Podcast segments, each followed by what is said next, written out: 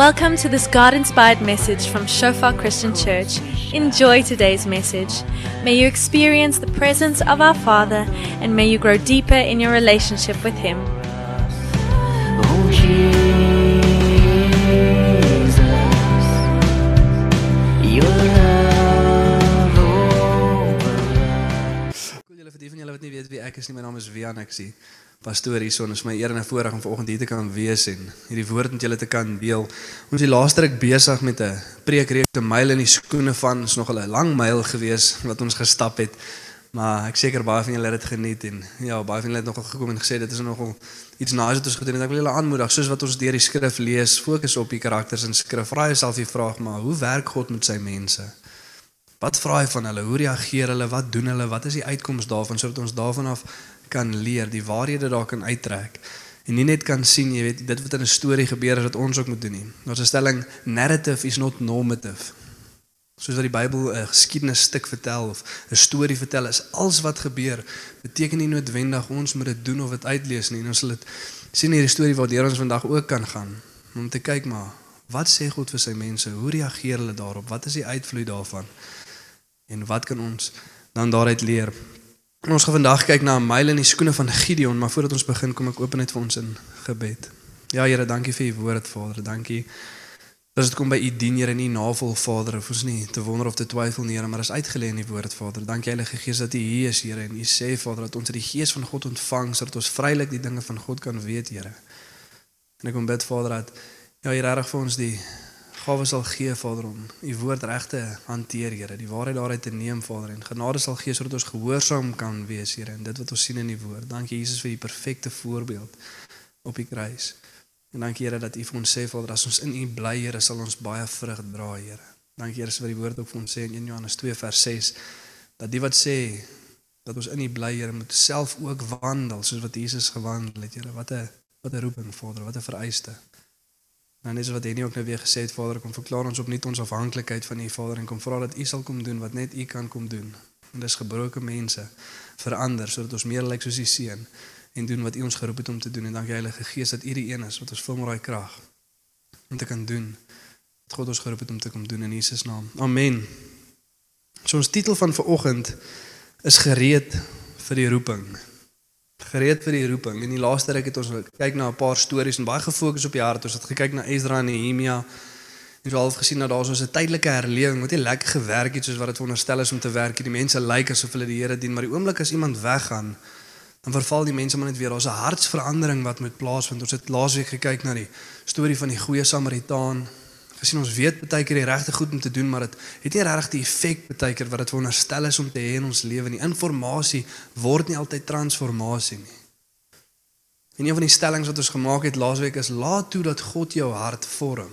En die vraag wat ons osself vandag wil vra is maar hoe gebeur dit? Hoe vorm God ons? Hoe kom ons op 'n plek waar ons gereed is om te doen wat God ons geroep het om te doen? Hoe vorm hy ons?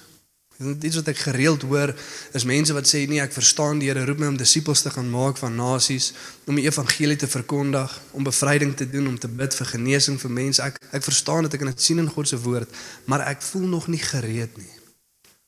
Ek voel nog nie ek's reg nie. Nou maar hoe kom ek op 'n plek waar ek reg is?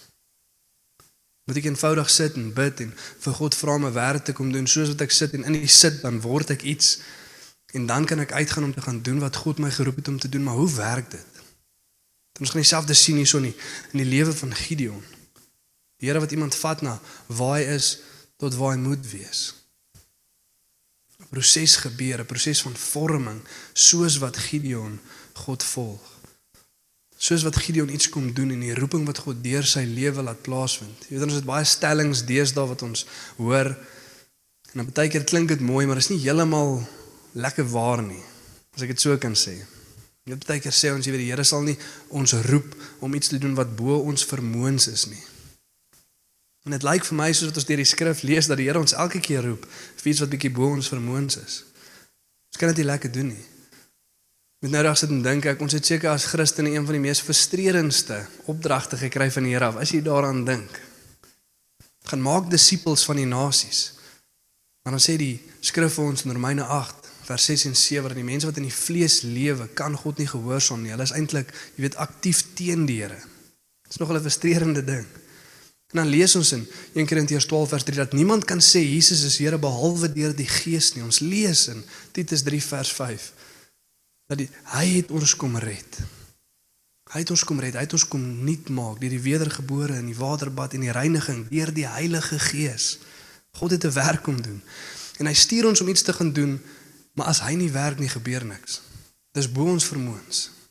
As hy ons nie kom krag gee nie, dan werk dit nie. Hy sê vir die disippels op 'n kol, soos wat hy opvaar in die hemel in, gaan wag in Jerusalem. As ek nie fisies by julle teenwoordig is nie en as die Heilige Gees nog nie uitgegiet is op julle nie, gaan in 'n kamertjie en bid. Want julle gaan dit nie self kan doen nie gaan wag vir die belofte wat die Vader gesê het hy vir julle gaan gee want as die Heilige Gees op julle kom dan sal julle krag ontvang en my getuies wees. Daar's 'n werk wat God in en deur jou moet kom doen vir die roeping wat ek vir jou het. So om vanoggend vir ons net daar te begin as as jy voel dat dit wat die Here van jou verwag of vra bietjie te veel is, dan verstaan jy dit reg. Maar as jy die roeping sien wat God vir ons het en jy dink nee in jou eie krag kan jy dit doen of ek voel nogal gemaklik om te gaan doen wat God my geroep het om te doen, stal bietjie weer gaan dink. As God nie 'n werk om doen nie, dan gebeur daar nie veel nie. En dieselfde is waar in die storie van Gideon en ons kan nogal vergelyk met ou Gideon in baie omstandighede waarna hy is. En ons gaan nooit lekker volgens ons eie eie standaarde gereed voel of toegerus voel om te doen wat God ons geroep het om te doen, maar daar's twee goed wat nodig is. Een ding wat ons moet doen en een ding wat ons moet hê. En ons gaan vandag na daai twee punte kyk. Wat is dit wat ons moet doen en wat is dit wat ons moet hê om te doen wat God ons geroep het om te doen. So kom ons lees lekker saam. Ons gaan lees uit Rigters 6 van vers 11 tot 27. En net voor dit is 'n storie wat homself elke keer repeat in die boek van Rigters is net nadat Joshua die Israeliete in die beloofde land ingelei het. Hulle was veronderstel om al die nasies uit te dryf. Hulle het dit nie gedoen nie. Joshua sterf uit, die ouderlinge saam met hom sterf uit. En dan is daar 'n tragiese ding wat gebeur en dit sê die generasie na hulle het nie die Here geken nie en hulle het nie die werke wat God gedoen het van gehoor nie. Daar was 'n onvermoë om oor te dra wat in 'n generasie gebeur het en ons sien dit keer op keer weer gebeur. En dan wat gebeur ironies genoeg, soos dit hulle in die land is en nie die ander nasies uitgedryf het nie, dan begin hulle daai nasies se afgode aanbid. Iets wat die Here gesê het gaan gebeur dan begin hulle daai nasies se afgode aanbid en ironies genoeg begin daai nasie hulle dan onderdruk. En as hulle nie meer hou van wat gebeur nie nie, omstandighede waarin hulle is nie, dan roep hulle uit na die Here toe, Here verlos ons. En dan rig die Here 'n rigter op. Hy kom verlos die volk, maar die oomblik as die rigter sterf, dan gebeur die proses oor en oor. En Israel het weer nie gedoen wat reg was in die oë van die Here nie. Ons lees dit elke liewe keer as 'n rigter sterf selfs aan die einde van Gideon se lewe, maar tog in Gideon se lewe is daar ou wat deur 'n proses gaan waar God hom vorm om iets te wees wat God wil hê hy moet wees en dis waarop ek wil hê ons moet fokus vandag. En die Midianiete op hierdie stadium is besig om vir Israel te onderdruk, soveel sodat hulle in grotte en goed gaan wegkruip vir die Midianiete want letterlik alles wat hulle het of plant of kry trek die Midianiete teen hulle op en hulle vat alles saam met hulle. En dis nogal 'n uh, eindaardige ding. En hierso tel ons dan nou die storie op in Rigter 6 vers 11. En dit sê die engel van die Here het onder die eikeboom in Ofra kom sit. Dit het aan Joas van die Abesir familie behoort. Sy seun Gideon was besig om onder op die vloer van 'n parskyp koring uit te slaan. Hy het daar vir die Midianiete weggekruip. So daar kan jy sien hoe ernstig die situasie is. Die engel van die Here het toe aan hom verskyn. Hy het vir hom gesê: "Die Here is by jou, dapper man." Meneer het Gideon vir hom gesê: As die Here wel by ons is, waarom gebeur al hierdie dinge met ons? Waar is al die wonderlike dinge wat hy gedoen het waarvan ons voorouers ons vertel het? Hulle het vertel, die Here het ons uit Egipte bevry, maar nou het die Here sy rug op ons gedraai. Hy het ons uitgelewer aan die mag van die Midianiete. Snaaks genoeg, dit is eintlik teenoorgestelde, maar Israel het begin doen wat nie in die oë van die Here reg was nie. Maar nou is God die vyand, hy is die een wat sy rug op hulle draai maar. Storie vir 'n ander dag. 14. Die Here het toe gesê, het toe na Gideon toe gedraai en vir hom gesê: "Gaan met hierdie krag wat jy het en gaan bevry die Israeliete uit die mag van die Midianiete. Ek stuur jou." Maar Gideon sê vir hom: "Verskoon my, meneer, maar hoe kan ek Israel red? My familie is een van die swakstes in Manasse. Ek is die onbelangrikste lid van my pa se familie. Ek is dan saam met jou," het die Here vir hom gesê. Jy sal die Midianiete verslaan asof jy net teen een man veg. Gideon het vir hom gesê: "As ek u nog net een ding kan vra, Gee tog vir my 'n teken waardeur ek seker kan wees dat dit U is, Here wat met my praat. Moet asseblief nie van hier af weggaan voordat ek na U toe terugkom het met 'n offer hier voor U kom neersit het nie. Die Here sê toe: Ek sal hier vir jou wag tot jy terug is. Gideon is terug huis toe. Hy het 'n bokkie gaar gemaak en hy het 16 kg meel, 'n ongesuurde brood gebak. Hy het die vleis in 'n mandjie gepak en die sous in 'n pot gegooi. Hy het daarmee teruggekom na die engel onder die eikeboom en dit daar neergesit. God se engel sê toe vir Gideon: "Vat die vleis en die brood en sit dit hier op die op hierdie rots neer. Gooi die sous daaroor uit." Gideon het so gemaak. Die engel van die Here het toe met die punt van sy stok in sy hand aan die vleis en die brood geraak. Vuur het uit die rots opgevlam en die vleis en die brood weggebrand. Die engel van die Here het toe verdwyn. Toe Gideon agterkom dat dit die engel van die Here was, het hy hardop uitgeroep: "Ag tog, oppermagtige Here, ek het aan die engel van die Here in die oë gekyk. Dit is als in orde," het die Here vir Gideon gesê. "Moenie bang wees nie. Jy sal nie sterf nie." Gideon het net daar 'n altaar vir die Here gebou. Hy het dit genoem die Here is vrede. Die altaar is nog al die tyd daar in Ofra van die Abesriete. Daardie nag het die Here vir Gideon gesê: "Gaan vat jou pa se tweede beste bul, die een wat 7 jaar oud is. Breek jou pa se altaar vir Baal af. Kap die gewyde paal van Asherah daar langs aan af. Kom dan, kom bou dan 'n stewige altaar vir die Here jou God hier by hierdie skans bo op die heuwel. Offer die bul op die altaar as 'n brandoffer." Gebruik die hout van die Asherah paal wat jy afgekap het. Gideon het 10 mans uit sy werkers gevat en gedoen wat die Here vir hom gesê het. Hy het dit gedurende die nag gedoen omdat hy te bang was vir sy eie huisgesin en vir die stad se mense om dit gedurende die dag te doen. Baie interessante storie. Dit's baie goed waarop ons kan fokus maar om by die punt uit te kom. Hoe gebeur dit dat 'n man wat ons hierso sien en van lees op die einde 'n dapper man is wat op so 'n punt kom dat Israel vir Gideon sê Gideon moet ons koning wees. Hy en sy nageslag moet oor ons heers. En Gideon wat hom antwoord nee ek gaan nie julle koning wees nie. God sal julle koning wees. Hy sal oor julle heers. Wat het gebeur? Ons kry daar 'n ou wat besig is om weg te kruip vir die Midianiete. Nie reg iemand wat ons sal sê dapper is of verstand wil neem nie. Nie, nie iemand wat regtig opgestaan het in 'n generasie waar almal besig was om weg te kruip in die berg en hy het gesê nee, ek sal nie wegkruip nie. Die Here my God is by my en ons gaan op die Here vertrou en hierdie Midianiete verslaan. Nee. Dis nie wat ons lees van Gideon nie. Ons lees 'n man wat besig is om weg te kruip. Selfs op die einde dan sien ons dat dit wat die Here hom gaan roep om te doen, gaan doen hy toe, maar hy doen dit in die nag.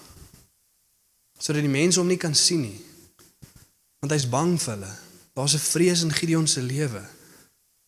Tog in die volgende hoofstuk lees ons dat daar so 'n verandering in Gideon se lewe plaasvind dat hy 300 ouens vat, Gideon en die 300 om honderde duisende te gaan verslaan.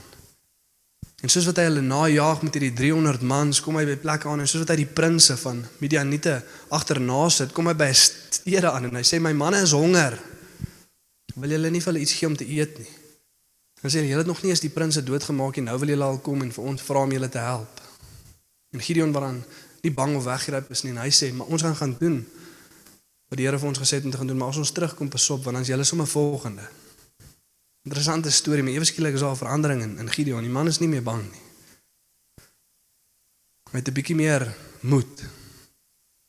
Hy het 'n bietjie meer versekering om te doen wat God hom geroep het om te gaan doen. Wat het gebeur? Hoe gebeur hierdie proses? Wat is dit?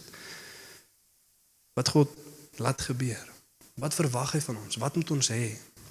Want dit begin in vers 11 en ons lees die volgende. Sy seun Gideon was besig om onder op die vloer van 'n parskyp koring uit te slaan. Dis waar hulle wyn gedruk het. Hy het daar vir die Midianiete weggekry. Die engel van die Here het toe aan hom verskyn. Hy het vir hom gesê: "Die Here is by jou, dapper man." En nie weer aan gee die Gideon nog 'n snaakse antwoord, maar jy sê nou die Here is by ons, maar hoekom gebeur al hierdie goed met ons? En jy verstaan half Gideon se sarkastiese antwoord want hy dink seker die ou sarkasties met hom. Ek meen hy hy het nie gedink die ou is besig om die waarheid te praat of te sê wat hy besig is om te sê nie. Hy het seker gedink kyk nou die ou. Dis nou snaaks. Ek sien besig om weg te kruip. Nou kom hierdie grapperige ou en sê hy dapper man. Hey, jy wou wegkruip. Dapper man, die Here is by jou. Jy wil amper so gaan vlieg man. Jy kruip ook bietjie weg. Moet nou nie vir my kom sê ek's die enigste een nie. Maar jy verstaan sou al Gideon se antwoord. Maar hierdie is baie keer waar ons onsself bevind. Ook besig om weg te kruip.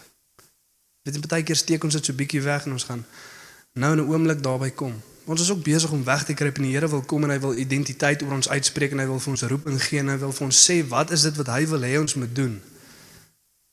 Maar ons is ook besig om om weg te kruip. Ons is ook dan ons wil ook so Gideon sê nee, Jesus Here, ek's nie regtig seker dat U nou die regte ou het nie. Hier is nie die dapper man nie. Wil jy nie dalk iemand anders roep nie? Daar's ander mense wat meer gekwalifiseerd is, wat 'n bietjie meer braaf is met 'n bietjie meer ondervinding. Wil jy nie dalk hulle roep nie? Ek dink nie ek kan so lekker doen wat U my geroep het om te doen nie. Ek dink nie ek is wie U dink ek is nie. Dit voordat ons aanbeweeg net op daai punt. Wanneer ook al God iets oor jou lewe uitspreek of jou roep om iets te doen, ons hoef hom nie in te lig oor iets wat hy dalk nie in ag geneem het nie. Dis wat Gideon hier wil doen en ons gee hom die benefit of the doubt want hy het nog nie geweet is die Here wat met hom praat nie. Maar baie keer doen ons dit. En ons lees in die woord ons moet gaan disippels maak van die nasies en dan bid ons nou sê ons vir die Here nee ek kan nie Here ek weet nie of U een ag geneem het nie maar ek het nog nie hierdie nie en ek kan nie lekker praat vir mense nie. God weet. Hy weet alles. Jy hoef hy kom raadpleeg jou nie oor dit wat hy wil doen nie. Hy's God, hy weet, hy's almagtig. Hy's alomwetend. Ons hoef nie vir hom hierdie goedjies te vertel nie. Maar weer eens dis half 'n goeie plek as die Here oorspronklik by ons kom en ons lees in sy woord wat hy van ons verwag en ons het so half 'n gevoel hy sê lekker seker of ek hierdie sal kan doen nie. Selfs die opdrag wat die Here vir ons gee. Dan lyk die resultaat na die volgende ons lees in vers 14 en 15. Die Here het toe na Gideon toe gedraai en vir hom gesê: "Gaan met hierdie krag wat jy het. Daai krag wat jy het is die teenwoordigheid van God. En gaan bevry die Israeliete uit die mag van die Midianiete. Ek stuur jou." Maar Gideon sê vir hom: "Verskoon my meneer, maar hoe kan ek Israel red? My familie is een van die swakstes. Ek is die onbelangrikste." En baie keer voel ons so. Voel ons is die swakste, ons is die onbelangrikste in hierdie plek waar Here ons roep, in hierdie taak, Here, ek's nie lekker seker of dit ek is wat U hier in gedagte moet hê nie, dalk iemand anders. Weet ons het hierdie oulike gesegdes wat ons deesdae vir mekaar sê en doen. Een van hulle is die Here sal vir jou nooit iets vra wat bo jou vermoëns is nie. Ek weet nie of julle al dit gehoor het nie. Nie lekker so nie. En die Here maak dit duidelik in hierdie storie ook in die volgende hoofstuk dan staan dit duidelik uit. As hulle nou éventueel moet gaan en teen die media nie te gaan beklei dan trek hy so 32000 van Israel se manne bymekaar. En hulle moet gaan teen die Midianiete wat klaar nie genommer kan word nie. Hierdie ouens kom en soos dit hulle swerm onder die vallei en kan mens hulle nie stel nie so baie as hulle. Honderde duisende van hulle. En klaar lyk dit so bietjie Here as U nie help nie, dan gaan ons hierdie oorwinning nie behaal nie. Maar dan sê die Here 32000 is vir my bietjie te veel. Nou nou dink julle julle kon dit op julle eie doen. Hy's duidelik oor hoekom hy doen en hoekom hy ons roep om te doen wat ons moet doen sodat hy glorie kan kry, sodat almal seker kan wees dat dit God is wat hier gewerk het. En dan sê hy, sê vir die manne wat bang is, hulle kan maar huis toe gaan. 22000 besluit hulle gaan huis toe, 10000 is oor. Ons of Jesus Here, dis nou klaar 10 teen 1 hierso. Ek dink ons gaan nou seker wees dat dit U is wat hierdie oorwinning vir ons gegee het. En Here sê nee, is nog steeds te veel. Gaan na die water toe. Almal wat afbuk en drink, stuur hulle een kant toe en almal wat met hulle hande skep en drink sit hulle een kant. En die wat op 'n sekere manier drink 300 ouens. En die Here sê stuur die 9700 huis toe. Die 300 lyk vir my genoeg. Nou moet jy jouself in Gideon se skoene sit. Jy kyk hoe swerm die media nie te onder in daai vallei. En jy kyk terug en jy kan sommer net so jy hoef nie jou kop te draai nie. Jou eie manne sien voor jou staan. Wonder Here Jesus, maar hoe gaan hierdie werk? Dan sê die Here, maar ek wil deur jou 'n werk doen sodat almal seker kan wees dat dit ek is wat dit gedoen het. Dat die glorie aan die Here moet behoort, nie aan ons nie. En dan as daai dag kom en as die Here ons roep om hierdie goeders te doen, dan voel ons bietjie swak en onbelangrik. En in baie ander areas mag ons dalk baie anders voel. As dit kom by jou werk wat jy doen, mag jy dalk bietjie bekwam voel. Jy voel glad nie swak of onbelangrik nie. Nee, hier voel ek toegerus. Ek kan met vrymoedigheid gaan en môre by die werk gaan doen wat ek geroep is om te doen. Ek kan daai klas gee, ek kan daai span afrig, ek kan daai plant opstart. Ek kan doen wat ek hier moet doen. Ek voel ek het krag in myself om dit te gaan doen, maar as dit kom by die geestelike goed en dit waarvoor God ons roep, dan voel ons baie keer swak en onbelangrik. En baie keer wil ons nie erken ons voel swak en onbelangrik nie, so ons gebruik 'n ander term daarvoor. Ek wil nie sê ek swak nie, ek wil net sê ander mense is baie beter. Is wat baie keer vandag gebeur. Dan kry jy nee nee nee, dis nie vir my nie, dis vir daai groot Christene. Ek ken net twee groot Christene. Dis Wessel en Lodewyk. Dis twee groot manne en hulle is Christene. Die res van ons is more or less average size. Of daai geestelike mense. Daai groot geestelike mense. Weereens ken net twee. Dit is iets wat ons moet verstaan of ons is 'n Christen of ons is nie. Of ons is gees vervuld of ons is nie. Of ons is gehoorsaam of ons is nie. Daar is nie 'n halwe gehoorsaamheid wat oukei okay is nie. Daar's nie party wat geroep is om bietjie te doen en ander wat baie moet doen nie. Of ons doen dit of ons doen dit nie. En ons kry baie keer bietjie weg en ek wil nie sê ek swak of onbelangrik nie. Ek wil net sê daai mense is regtig geroep om daai goeders te gaan doen. Dit rig terug bel mense my het gebeur gereeld. Bel hulle en sê jy's Wian wil jy ons nie kom help nie. Ons is nou hier besig met 'n geval en hier's 'n ou hierso en uh, hy's hy's demoon besete. Praat allerlei goeters en sê hy gaan homself doodmaak en ek weet nie wat als nie. Sê ek maar julle is mos Christene. Ja, ons is. Sê ek net dryf homself uit. Die Here sê dan hy gee vir jou mag oor dit. Nee nee nee nee. Dis vir daai groot Christene. Dis vir daai geestelike mense. Met ander woorde, ek voel bang en onbelangrik. Ek's nie lekker seker of ek hierdie kan doen nie. Dit is bietjie bo my vuurmaakplek. Gaan evangeliseer, gaan vertel vir die mense wat God se woord sê, gaan verkondig die evangelie aan die nasies. Nee nee nee nee. Dis vir daai groot Christene.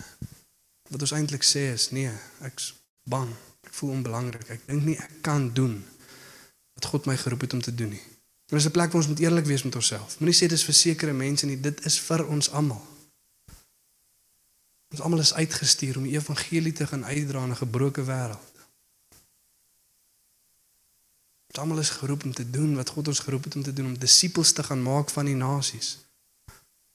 En die vraag is nie of ons dit kan doen of nie, maar is ons bereidwillig om gehoorsaam te wees? Want kyk wat gebeur in Gideon se lewe soos wat die Here hom uitstuur. Daar's een ding wat Gideon doen. Rigters 6:27. Gideon het 10 maande uit sy werkers gevat en gedoen wat die Here vir hom gesê het. Hy het gedoen wat die Here vir hom gesê het. Ja, hy was bietjie bang. Ja, hy het dit in die aand gedoen, maar hy het dit gedoen. Hy het eenvoudig uitgestap in gehoorsaamheid. Hy was eerlik. Here, ek's nog nie lekker daar nie. Ek voel bang. Ek ek ek voel nie of ek die een is wat dit kan doen nie. Ek dink iemand anders is dalk beter opgewasse.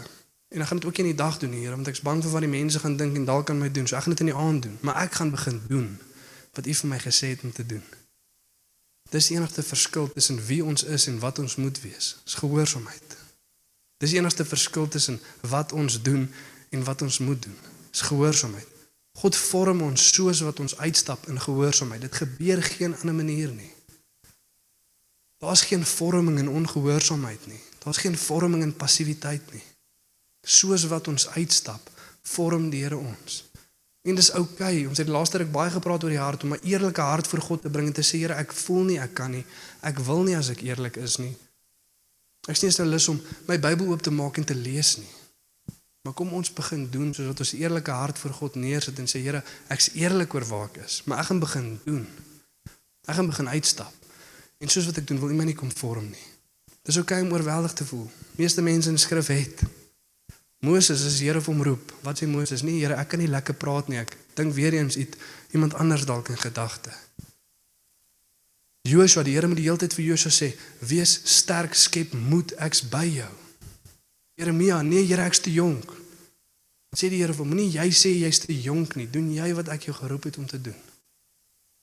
Ek is by jou. Ek is by jou.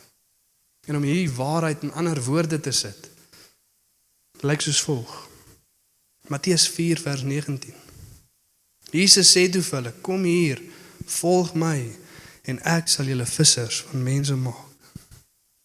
Volg my, begin stap, wees gehoorsaam, volg my. Ek weet jy's nie wat jy veronderstel is om te wees nie. Ek weet jy's nog nie 'n visser van mense nie, maar volg my en ek sal jou maak. Maar begin volg. Stap uit, kom, doen dit. Dis okay as jy bietjie bang is. En net voordat Jesus daai woorde spreek in Lukas 5 vers 8, wat lees ons? Sê op die bord mee, ek het gelees by die huis. Petrus wat voor Jesus neerval en wat sê hy vir hom? Here gaan weg van my af. Ek is te sondig. Ek is te sondig, Here. Ek dink jy die verkeerde ou beet. En Jesus sê, "Kom jy en volg my. En ek sal jou visser van mense maak." Nee, ek mag miskien of ek kan dalk nie. Ek sal. Ek sal jou maak soos wat jy my volg. En daar's die antwoord vir ons om te weet wat ons veronderstel is om te wees of gereed vir die roeping. Ons hoef nie klas te gaan en eers teologie te gaan studeer nie. Al is daai goed belangrik. Bybelskool is belangrik. Huwelik seminaars belangrik. E3 is belangrik. Alles belangrik, maar jy kan elke liewe een van daai goed 3 keer doen, maar as jy nie volg nie, gaan niks gebeur nie. Jy sal presies dieselfde bly. Maar as jy begin volg, as jy begin doen, dan sal hy goed effek hê in jou lewe wat dit veronderstel is om te hê, want hy sal van jou maak soos wat jy hom volg. Hy sal. Hy is getrou. En dan vat ons na punt nommer 1 toe vanoggend. Myle in die skoene van Gideon. God vorm ons soos ons hom in gehoorsaamheid volg. God vorm ons soos ons hom in gehoorsaamheid volg. Efesiërs 2:10. Ons is sy skepsel gemaak in Christus Jesus tot goeie werke sodat ons daarin kan loop, maar begin loop. Begin loop. Begin doen. Begin jou gawe uitleef. Soos wat die mense vanoggend vorentoe gekom het en gedeel het wat op hulle harte is, soos wat jy self toe gaan, soos ons na die tyd 'n koffie drink. Die Here het 'n woord op jou hart, het 'n gebed wat jy kan bid, het 'n bemoediging wat jy kan gee. Begin. Het 'n getuienis wat jy kan gaan deel. En dis ook om daar te begin, maar ons moet groei want ons getuienis is nie die evangelie nie. Dis die evangelie se effek in ons lewe, maar ons moet gaan en die evangelie gaan verkondig in 'n gebroke wêreld. Ons is waar ons is, maar ons moet groei en ons groei deur te gaan. Wat ook al ek lees hier en al is dit in die aand en al is ek bietjie bang, maar ek gaan begin. En dit gaan begin by dieselfde plek waar dit by Gideon begin het. Selfde plek waar dit met die disippels begin het. Daar's 'n altaar wat afgebreek moet word. Van iets of 'n ding wat nie God is nie. En daar's 'n paal wat afgekap moet word. Wat is besig om jou te weerhou om die Here te dien? Gaan breek daai ding af. En gaan rig 'n altaar tot God op hoe? Maak 'n plek en tyd om tyd in God se woord en gebed te spandeer sy naam op te lig. En gaan breek daai ding af. Want daai selfde roeping van Jesus is hier vanoggend. Volg my en ek sal jou visser van mense maak. Volg my. Baie hoor daai roep. Maar min stap uit in gehoorsaamheid. Ons lees in Matteus 22 vers 14. Baie is geroep, maar min is uitverkies. Die genade het uitgegaan, die woord was gehoor. Maar ons kon nie daai altaar afbreek nie en ons kon nie in gehoorsaamheid uitstap nie. Die ryk jong man kom na Jesus toe. Hy hoor dieselfde roep van die disippels: "Volg my." Maar die altaar kon hy nie gaan afbreek nie. Gaan verkoop wat jy het.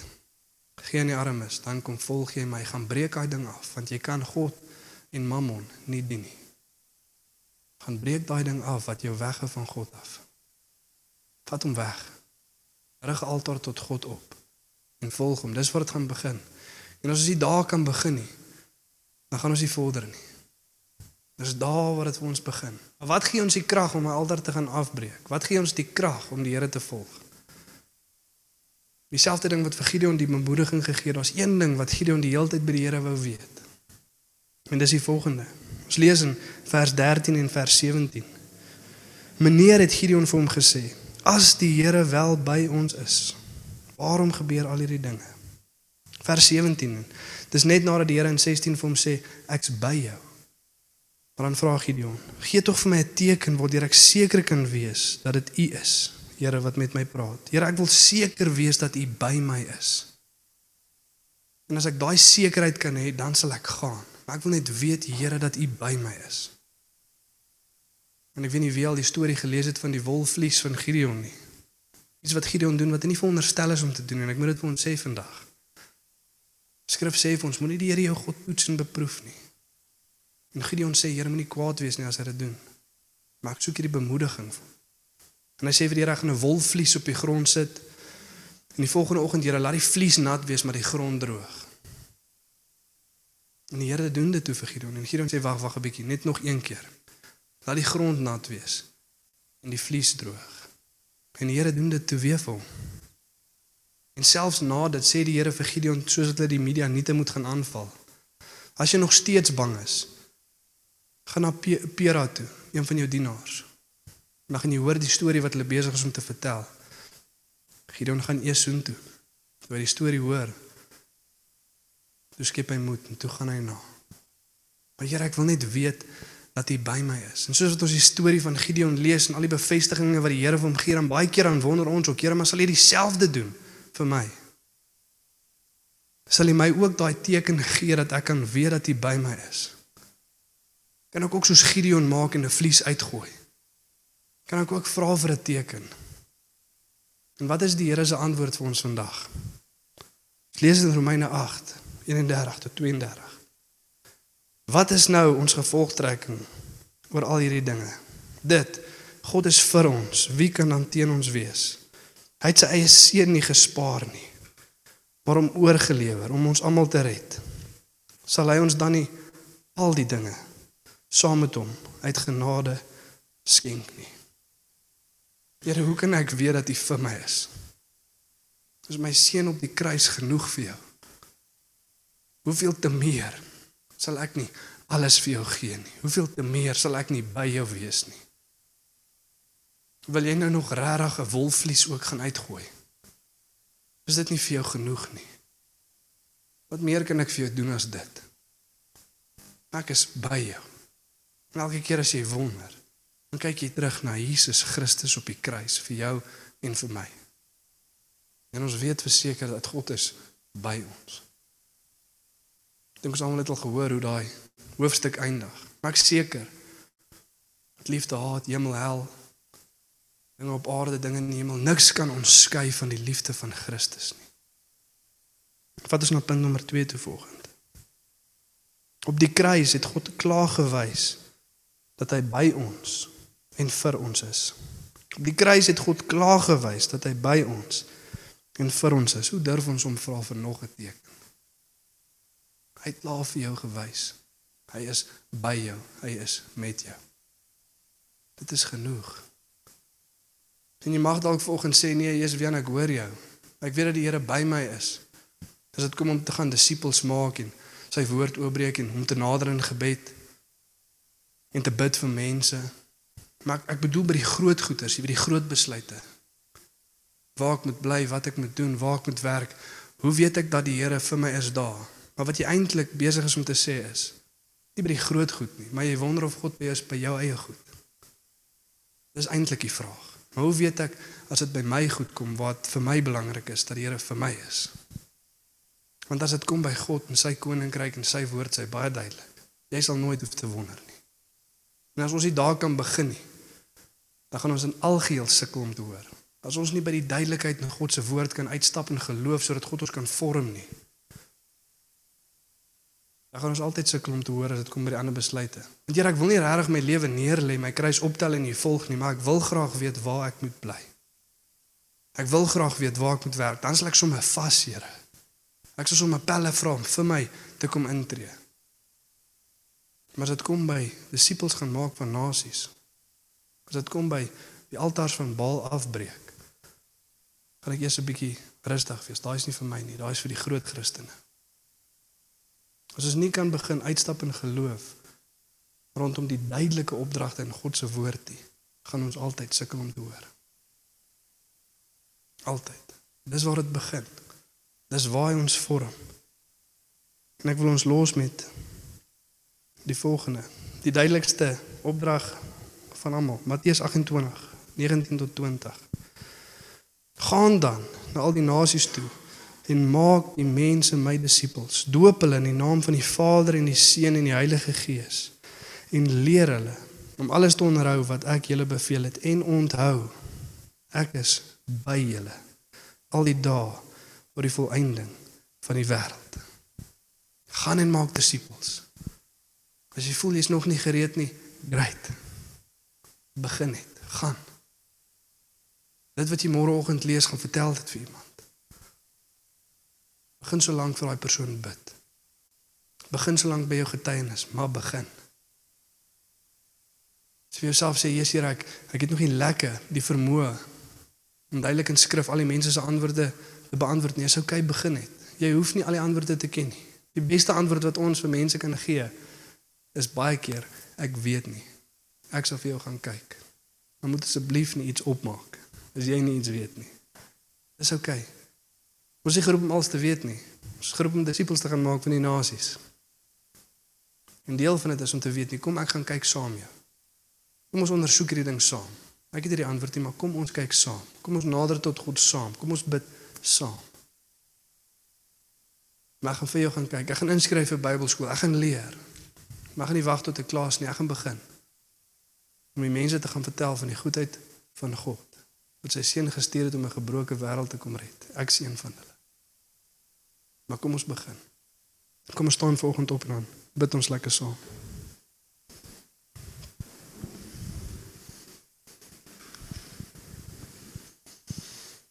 Ja Here, dankie dat ons net tot U kan kom nader Vader en vir U kom dankie Here, dankie vir U genade Here, dankie vir U goedheid Vader.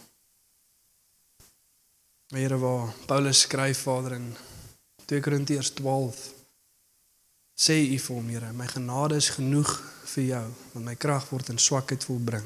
Dan sê Paulus, daarom sal ek al hoe meer roem oor my swakheid sodat die krag van God op my kan rus. Ons hoef nie sterk te wees in ons eie krag nie. Al wat U verwag is gehoorsaamheid en nie genade gegee sodat ons gehoorsaam kan wees. Paulus skryf en dan sê ek het harder gewerk as almal van hulle. Tog nie ek nie, maar die genade van God by my. Die genade van God by my. God het vir elkeen van ons vanoggend die genade gegee om uit te stap in gehoorsaamheid. Om uit te tree in gehoorsaamheid. En ek wil hê ons moet vanoggend daai stap van gehoorsaamheid begin vat. As jy hier is vanoggend en Maak nie saak waar jy is nie. Al is jy aktief besig om die Here te dien en uit te stap in gehoorsaamheid as as jy dalk hier is en jy voel bang en onbelangrik, jy's nog nie reg nie, Here. Allei, goed wat ons baie keer vir onsself sê, Here, of miskien is dit vir iemand anders. Waar ook al jy is vanoggend, dan en dan rukkie vir ons vra om 'n stap van geloof te vat en as dit jy is en jy wil net opnuut vir die Here sê, Here, ek is hier om u woord te gehoorsaam, Vader. En al voel ek nog nie heeltemal reg nie, ek gaan begin loop. Ek gaan begin volg en u vertrou om te konform gaan ek vir ons vra om net vorentoe te kom hier na die verhoog toe. Net daar waar jy is, net by jouself. Net uit te stap, net te begin loop as dit teken. Vir die Here te sê, Here, hier is ek. Ek stap uit, Vader. Kom lei my in die woord, kom vorm my, Vader, sodat ek kan wees wie u my geroep het om te wees. En as dit jy is, as jy net opnuut vir die Here wil sê, hier is ek, Here. Ek stap uit. Wil nie na die verhoog toe kom net net vir die Here kom sê dis jy nie. Jy kan begin vorentoe kom. Kom ons beweeg. En sê vir die Here, Here, hier is ek. Net in jou eie woorde. Here, ek stap uit. Ek vat daai stap van geloof. Maar gaan volg, Here.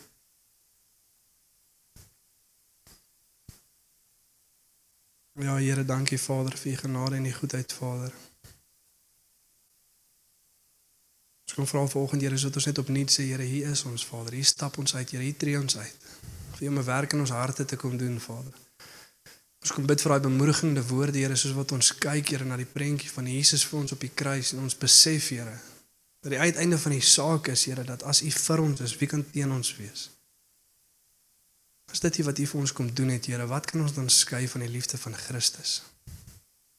En ja, Here, ek kom bid Vader vir elke persoon hier vanoggend, Vader, dat ons daai bemoediging sal hoor, sal glo, sal weet, Here, daai openbaring sal insink. Dat die God van hierdie heelal met ons is. U sê vir ons Here, sodat U daai opdrag vir ons gee om disippels te gaan maak vir die nasies en sê ons en onthou, onthou, moenie vergeet nie. Ek is met julle. Ek is by julle tot die volëinding van die wêreld. En ja Here, dankie Vader, sodat ons weet na die wêreld om ons kyk in die gebrokenheid, Here. So dit kom by die area van waarheid, Here, wat ons geroep is om uit te dra. Ons deur mekaar, Here. Ons kom bid Vader sodat ons na die mense om ons kyk Here wat deur mekaar is wat nie weet waantoe nie Here dat ons nie in oordeel sal optree nie maar innige meegevoel sal hê soos wat U gehad het, Here. Toe U die skare sien, het U hulle innig jammer gekry.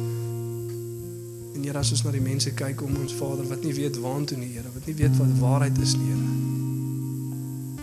Mag ons uit liefde uit optree en die waarheid aan hulle gaan oordra.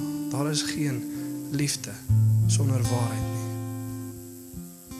En waarheid tree altyd op in liefde.